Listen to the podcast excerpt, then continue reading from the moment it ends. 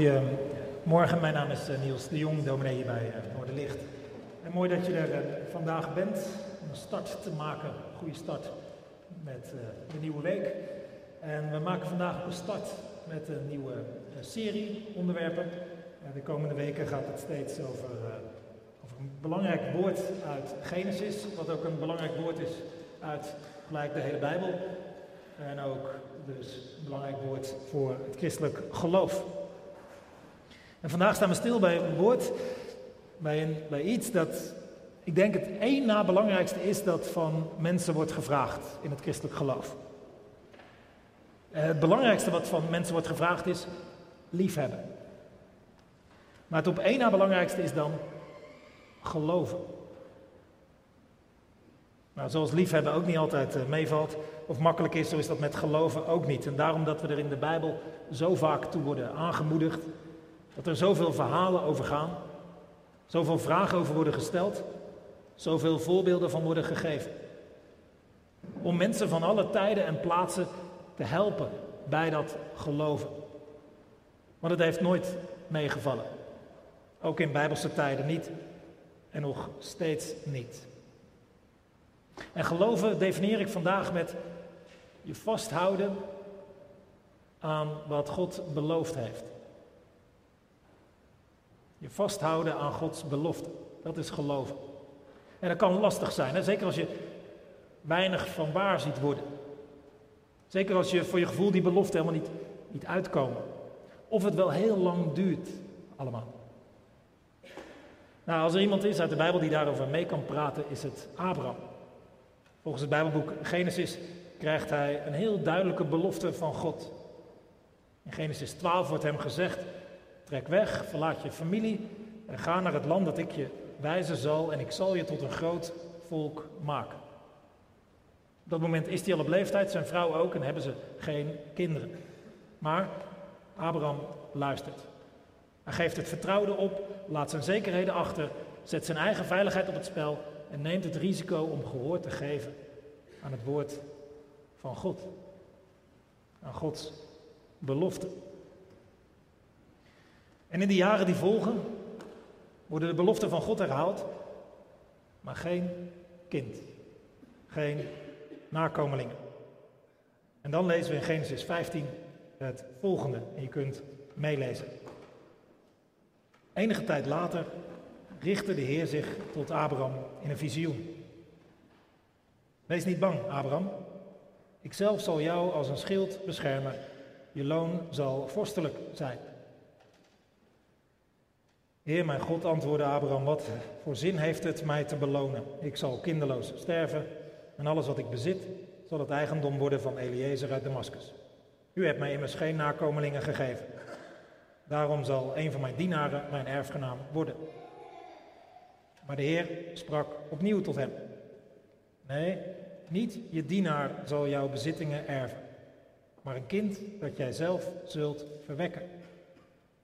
En daarop leidde hij Abraham naar buiten. Kijk eens naar de hemel, zei hij, en tel de sterren als je dat kunt.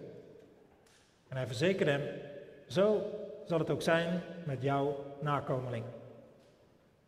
Abraham vertrouwde op de Heer en deze rekende hem dit toe als een rechtvaardige daad. Uh, ik kan je iets aanraden. Je moet af en toe je uh, spambox van je mail eens bekijken. Dan vind je prachtige aanbiedingen. Afgelopen vrijdag uh, moest ik 500 euro overmaken naar iemand uit een heel ver onbekend land. En dan zou ik binnen een maand twee nullen terugkrijgen. Fantastisch toch? En een dag later keek ik en dan zag ik ook. Dat, dat, je hoeft niet eens rijk te zijn om aan een of andere cryptomunt mee te kunnen doen. Als ik, als ik voor 12 inlegde, nou zeker dat dat verviervoudigd was binnen een paar maanden. Fantastisch. Nou, ik heb het niet gedaan. En ik denk dat niemand van ons dat soort dingen doet. Wij, wij, wij, wij vertrouwen zulke beloftes van extreme rijkdom die heel makkelijk gaat, dat vertrouwen we niet. Toch? Nou, stel je voor dat iemand die je kent, die bijzonder veel heeft en naar jou toe komt en zegt: Ik ga jou rijk maken. Nou, dan zul je er vast wat meer aandacht voor hebben. Maar ik denk dat we toch nog steeds wat op onze hoede zullen zijn. Dan vragen we ons af of dat wel echt zal kunnen. En zo ja, wat er dan tegenover zal staan, wat wij daarvoor moeten doen of laten. Ook al kennen we diegene, dan nog geloven we zulke beloftes niet zomaar. In het verhaal, het korte verhaal dat we net lazen, komt God, notabene, naar Abraham toe en zegt hem, je loon zal vorstelijk zijn. Veel geld, rijkdom. En de oude Abraham die reageert sceptisch. En niet omdat hij, dat hij, dat hij denkt dat God het niet zou kunnen, maar om andere redenen. Hij, hij snapt niet wat voor zin dat heeft als God zijn eerdere beloftes niet heeft uit laten komen. Hij zegt, ja, ik, wat heeft het nou voor zin? Ik zal kinderloos sterven en dan kunt u mij wel belonen, maar heb ik toch niks aan. We kunnen ons vast wel iets voorstellen bij die reactie van Abraham. Als, als geloven dat is, hè, vasthouden aan Gods belofte. De, ja, dat, dat is nog niet zo makkelijk. Zeker niet als je, als je niet ziet van wat je beloofd is. Maar voor Abraham viel dat niet mee. En ook voor ons valt het niet altijd mee om te blijven geloven. als je bijvoorbeeld leest eh, in de Bijbel over de belofte van Gods aanwezigheid in je leven. Of de belofte dat God antwoordt als je roept. Of de belofte dat God je de weg wijst als je het hem vraagt. Of de belofte dat God het je, goede, je het goede niet zal onthouden als je zijn richtlijnen opvolgt. Allemaal dingen die in de Bijbel staan, maar stel je voor dat je het probeert, maar er is vervolgens niets van te zien. Dat je, dat je niks merkt van God, geen woord, geen antwoord, geen richting, geen verhoring van je gebeden. En het duurt maar en het duurt maar en het duurt maar. Ja, dan wordt het moeilijk. Dan wordt geloven moeilijk. Nou, als je daar iets van herkent, dan zit je op het punt van Abraham. En als hij op dat punt zit, dan spreekt God tot hem en herhaalt, herhaalt zijn belofte. Eh, het begint dus in dit verhaal ermee dat God begint te spreken. En dat is misschien ook al gelijk een lastige voor ons. Hè? Want zeker als je nooit iets denkt, nou, nooit iets vernomen van God zo direct. Nou, daar, kun je heel verschillend tegenaan kijken. Ik, ik, noem drie manieren. De sceptische of ongelovige manier stelt, nou, God sprak niet bij Abraham. En dat uh, doet hij ook niet bij ons. Abraham zal het zichzelf wel ingebeeld hebben.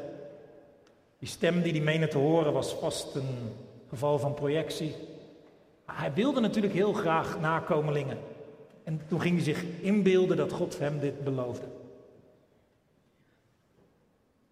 Een meer uh, gelovige manier stelt, eentje die, die eeuwenlang en tot op de dag van vandaag nog vaak aangehangen wordt, zegt van nou, God sprak wel tegen Abraham, maar je moet er niet op rekenen dat hij dat bij ons doet.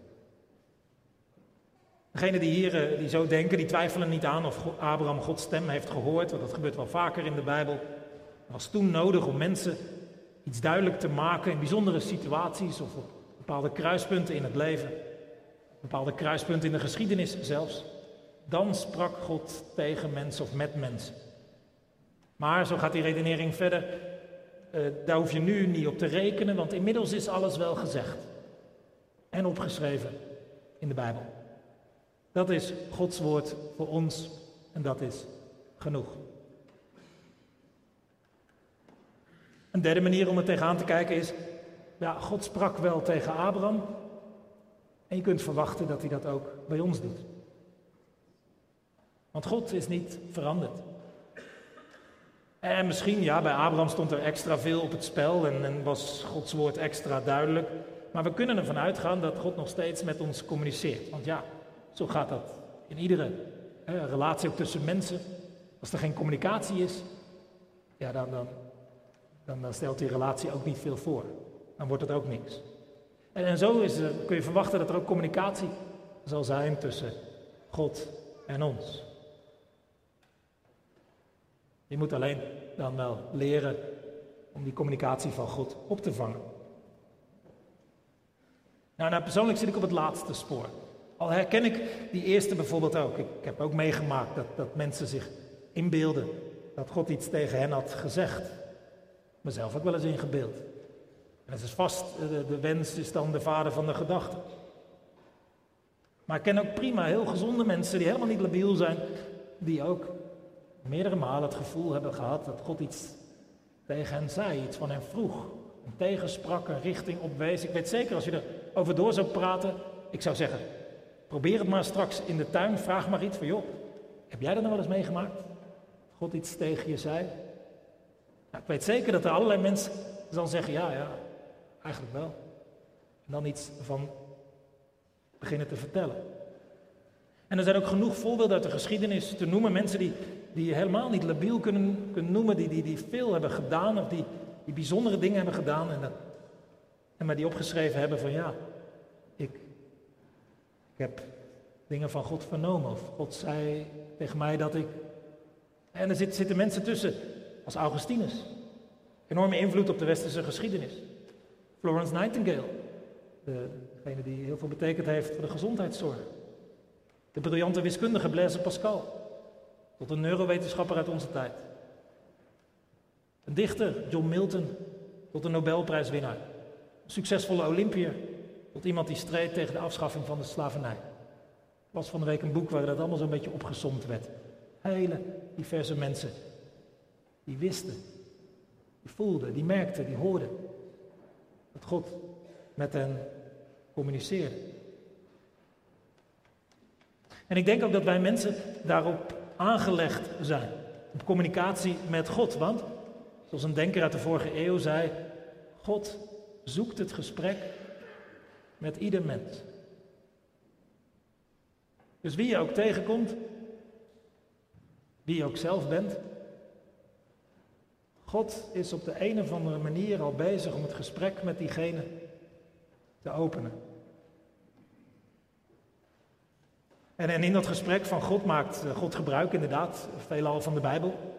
Dat is Gods belangrijkste communicatiemiddel zou je kunnen zeggen, maar God spreekt ook op andere manieren. Via een sterke indruk, een roepingsgevoel, via je geweten, via een ander mens die precies iets zegt dat raak is, via een lied, via een gevoel, via een droom, via een zin die je hoort of via een wel heel toevallige samenloop van omstandigheden. Via je intuïtie, via, via dat je het gewoon weet. Zo spreekt God met ons. Het probleem is echter dat wij grote moeite hebben om die communicatie van God op te vangen. En als we het wel opvangen, hebben we moeite om dat op te volgen. Het werkt natuurlijk ook zo als wij niks doen met wat ons gezegd wordt, dat God dan ook niet vaker ons iets zal zeggen. Nou ja, dat, dat mensen grote moeite hebben om die stem van God gehoor te geven, dat blijkt wel in het Bijbelboek Genesis. En Genesis geeft ook gelijk de oorzaak ervan. Wij mensen zijn geneigd God niet te vertrouwen. Dat is al in het begin van Genesis gaat het daar mis. Wordt later de zondeval genoemd. Die ligt de grondslag aan alle zonden, ook aan iedere zonde van ons, dat wij God niet vertrouwen. Dat je denkt, ik kan beter zelf bedenken. Ik kan het beter zelf doen. Ik kan beter vertrouwen op mijn eigen inzet. Of mijn eigen slimheid. Of ik kan beter vertrouwen op wat die van me wil. Of ik kan beter dat doen omdat iedereen dat doet. En dan ga je bemist in.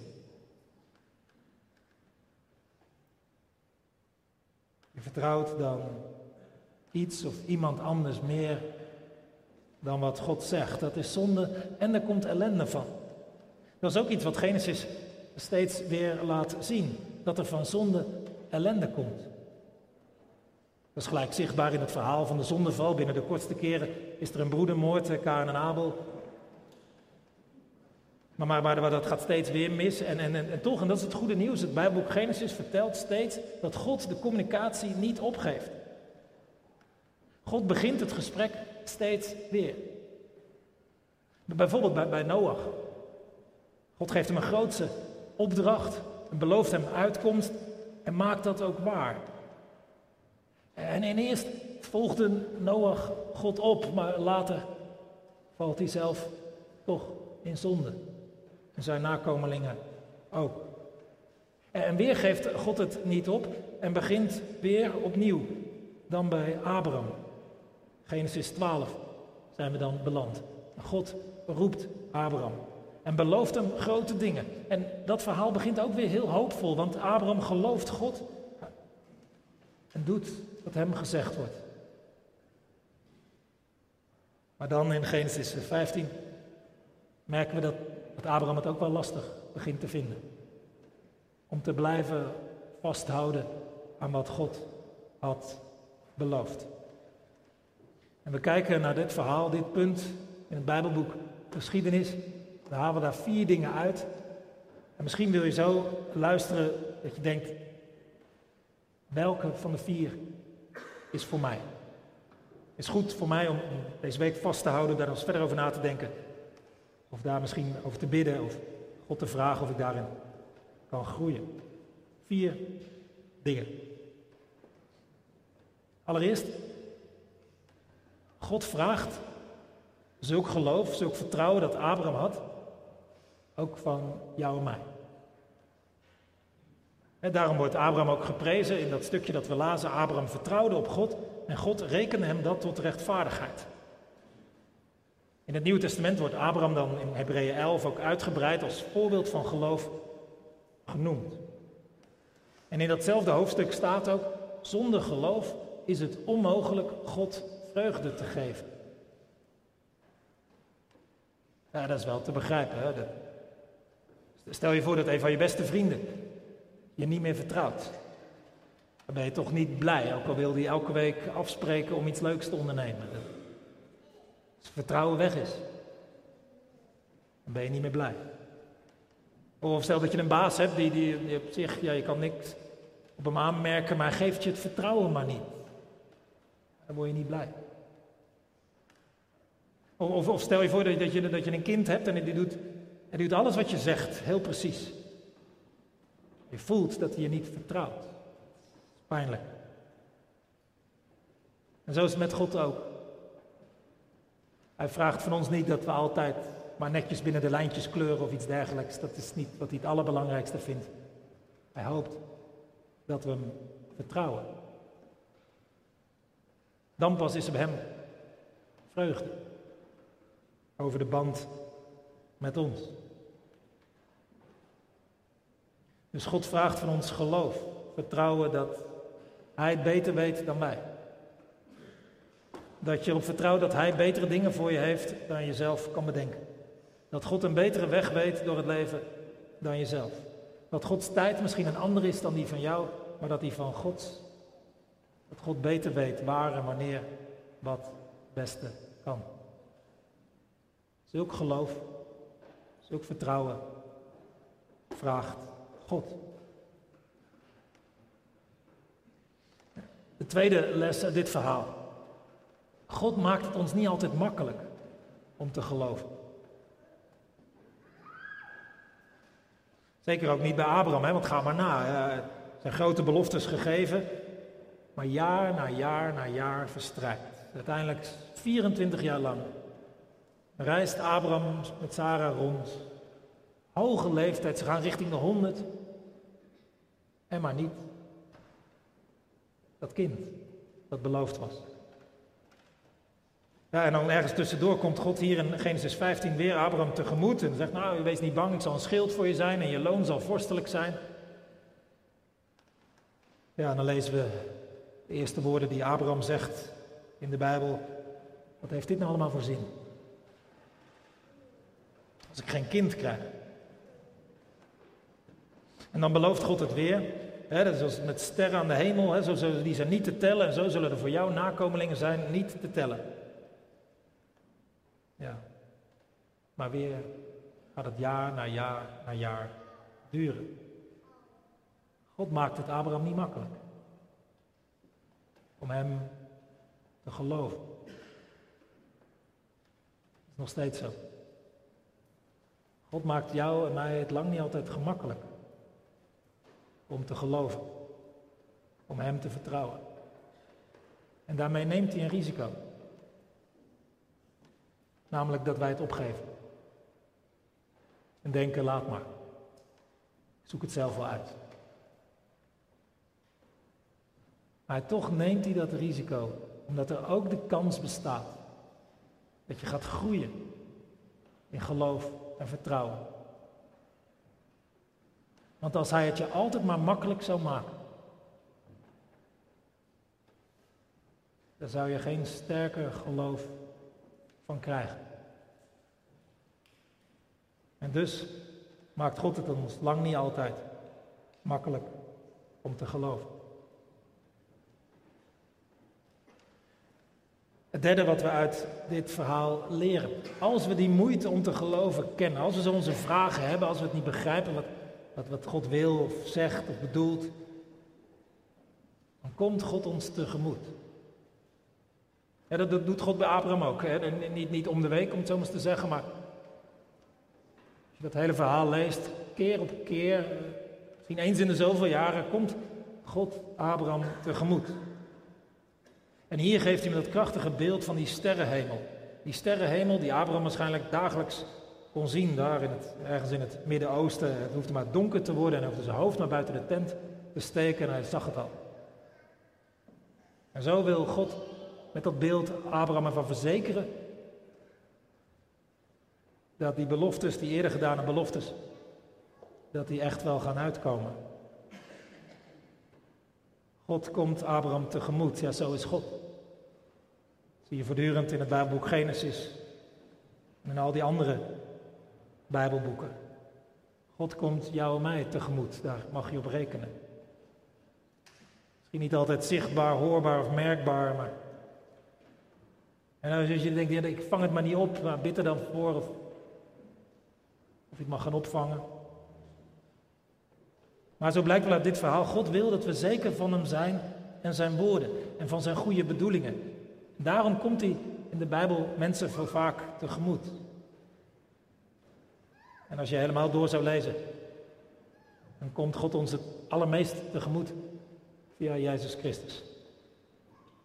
Om ons ervan overtuigen dat Hij goed is. Dat Hij het beste met ons voor heeft.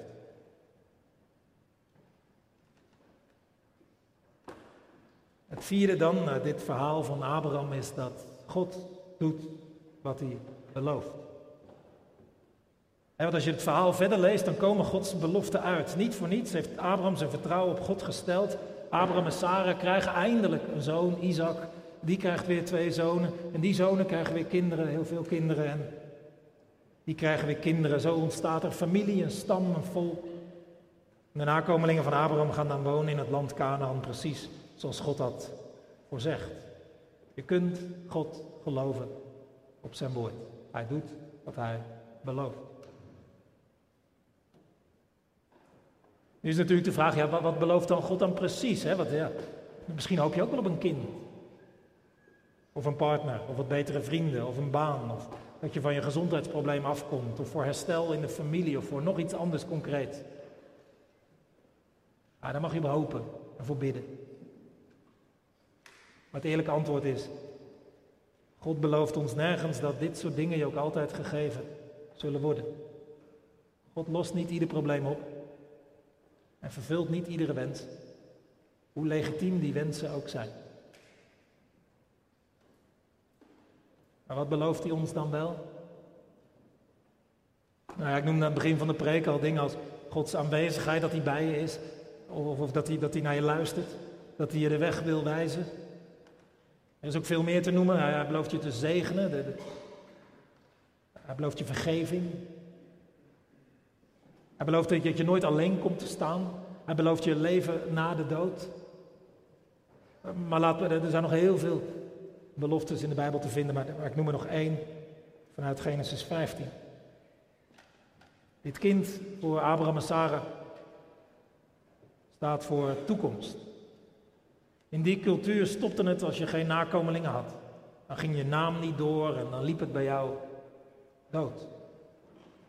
En dit kind Isaac, wat later zal komen, gecombineerd met die belofte van een volk en een land, en dat, dat, stond allemaal voor toekomst, voor Abraham en Sarah.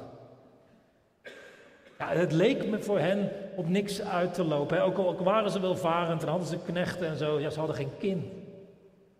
Oftewel, ze hadden geen toekomst. En ongedacht en onverwacht gaf God hun dat, zoals hij beloofd had. Toekomst. Die mag je voor jezelf eh, toepassen. God belooft jou en mij toekomst. Er zit toekomst in jou. Dat belooft God. Als je, als je op Hem vertrouwt, dan kun je erop aan dat het niet doodloopt allemaal. Maar dat je toekomst hebt. Zelfs over de grens van de dood.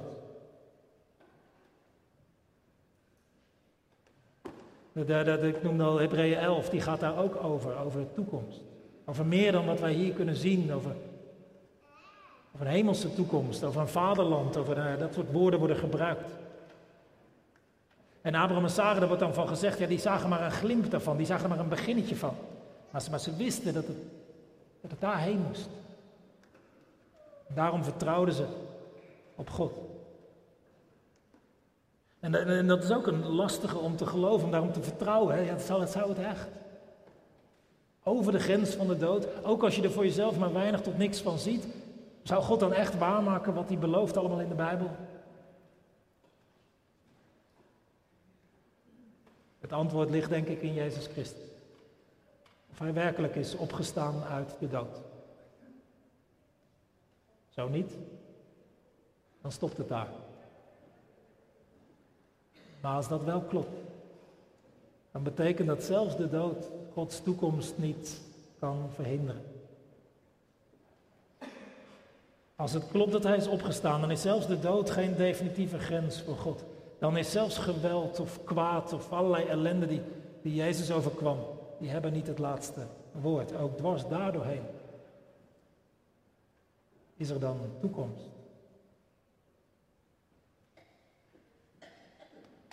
Nou ja, ik sluit af. Vier dingen uit dit verhaal. Was misschien die eerste voor jou. Dat God simpelweg aan je vraagt. Vertrouw mij nou.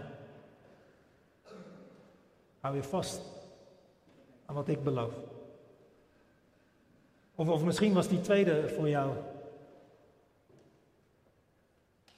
Dat God ons niet altijd makkelijk maakt om te geloven.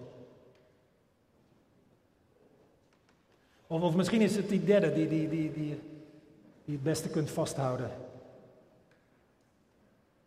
Als geloven niet meevalt, God komt je wel tegemoet.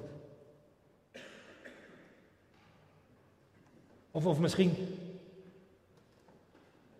is die vierde voor jou. God doet echt wat hij belooft. En geeft je toekomst. Vier dingen uit dat oude verhaal. Want God is niet veranderd. En zoals God er was in het verhaal van Abrahams leven, zo wil hij er zijn in het verhaal van jouw leven. Daar gaat het komende lied over. Amen.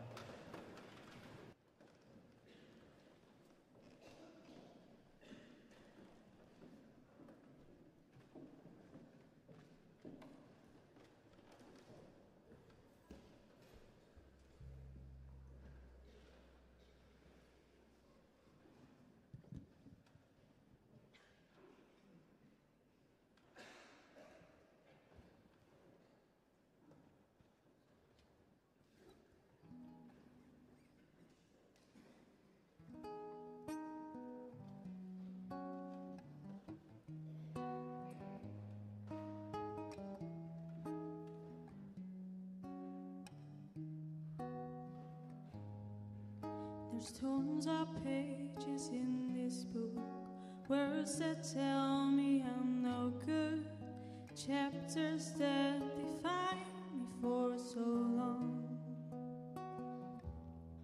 But the hands of grace and endless love dusted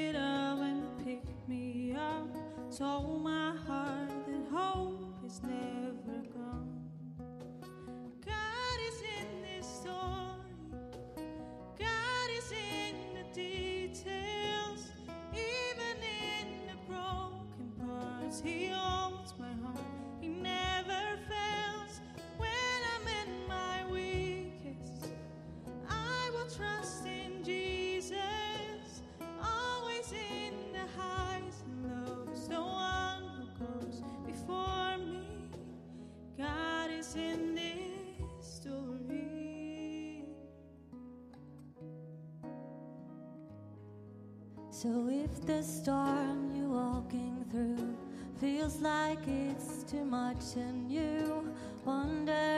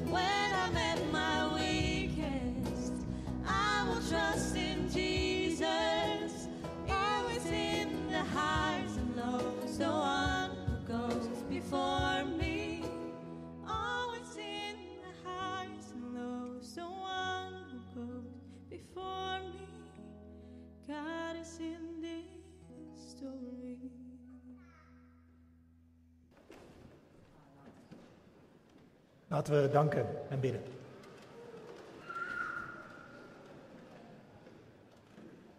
God, dank u wel dat u er in ons verhaal bent, wilt zijn. Dat u ons tegemoet komt. Dat u ons verhaal goed wil laten aflopen. Dat u toekomst voor ons ziet. Wat er ook gebeurd is. Hoe lang het ook duurt. Wat er ook misging. Dank u wel.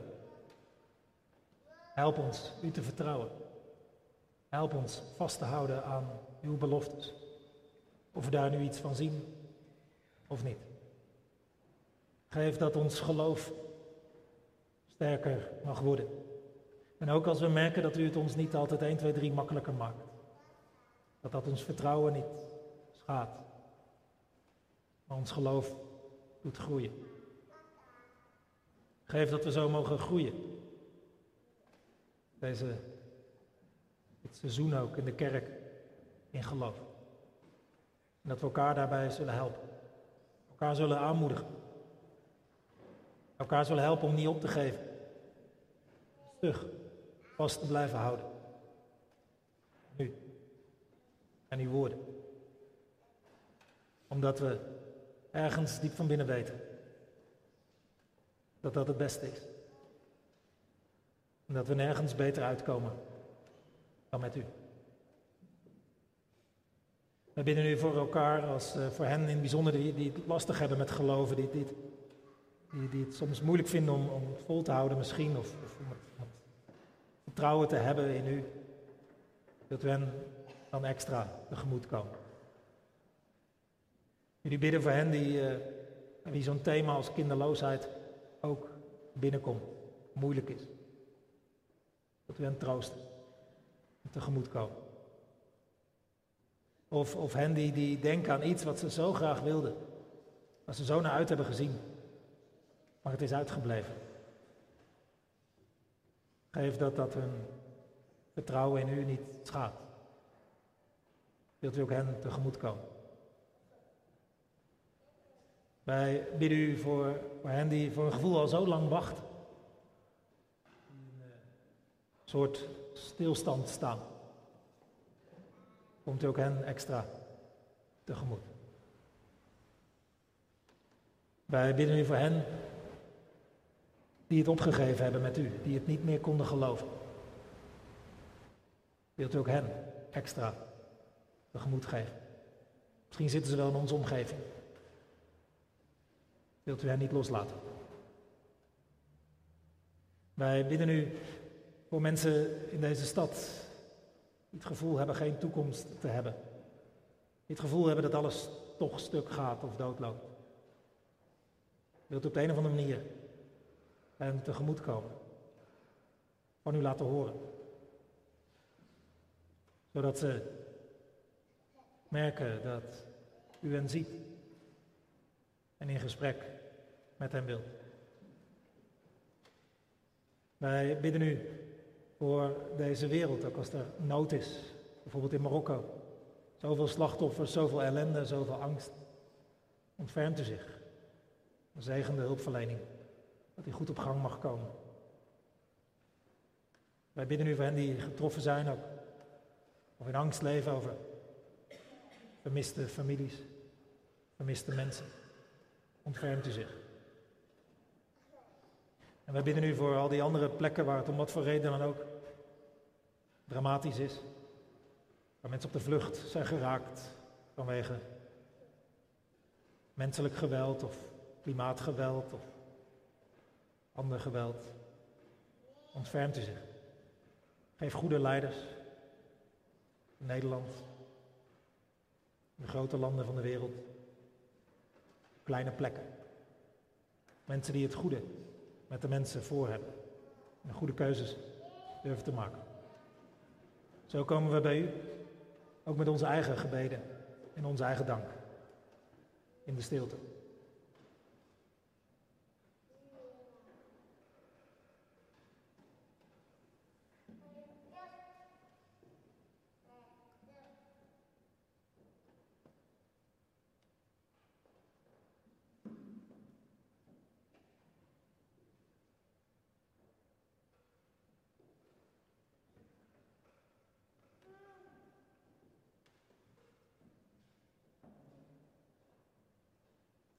Neem ze onze dank aan en hoor ons bidden in Jezus' naam. Amen.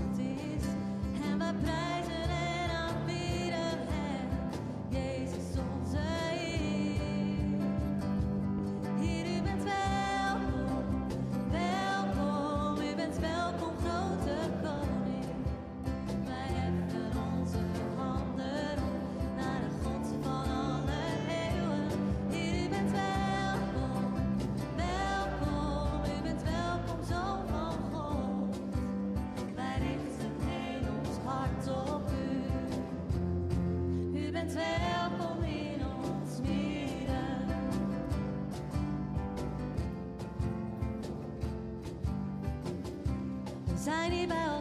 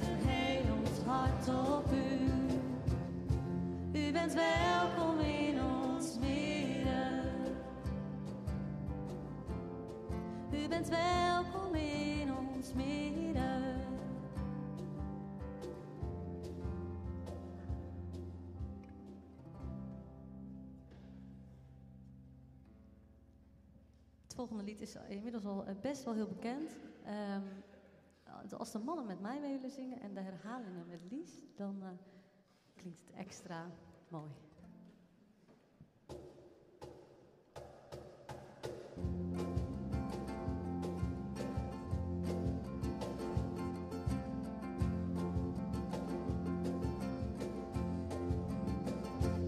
is de rots, hij is de rots. Waar ik op sta, waar ik op sta. Hij is de weg, hij is de weg. Waar ik op ga, waar ik op ga. En ik zal voor hem zingen, voor hem zingen. Zolang ik leef. In het begin, in het begin was hij het woord, was hij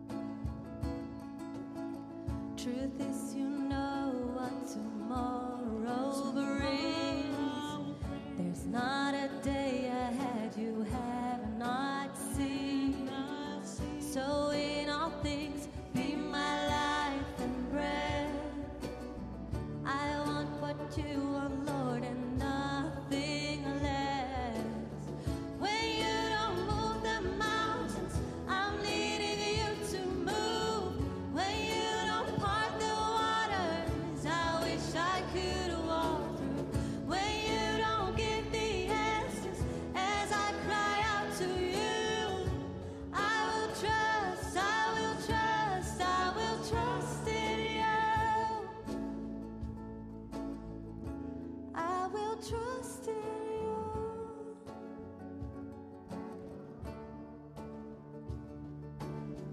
You are my strength.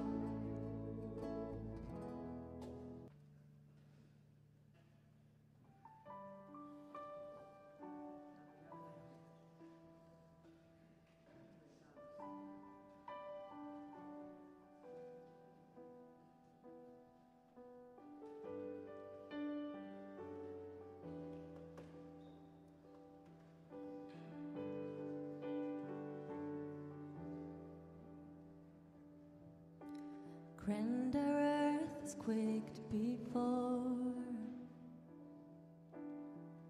Moved by the sound of his voice, and seas there are shaped.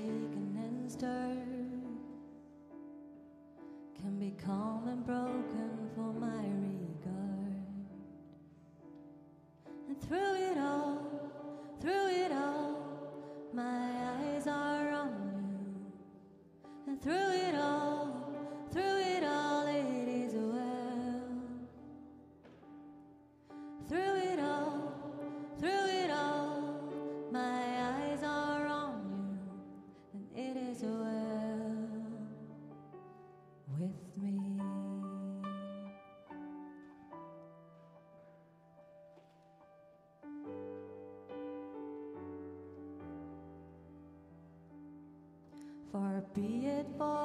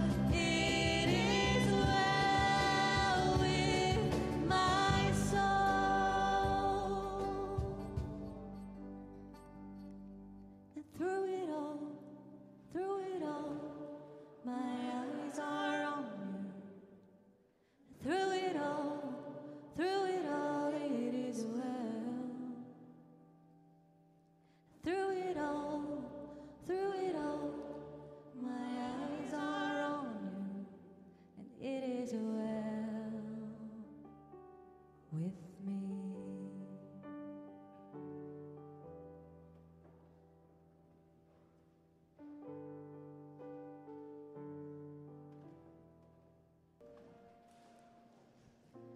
In de nacht van strijd en zorgen kijken wij naar.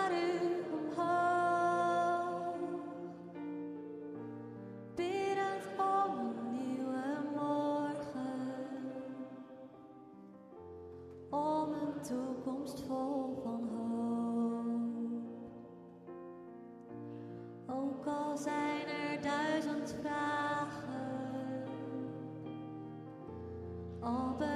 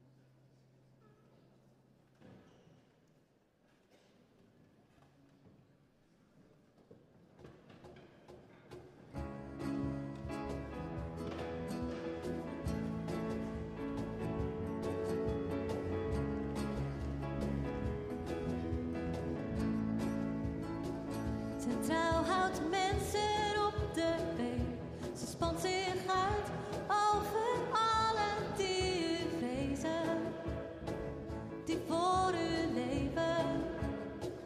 Ze laat ons nooit een dag alleen, ze wordt al eeuwenlang en overal geprezen. U hebt het uit.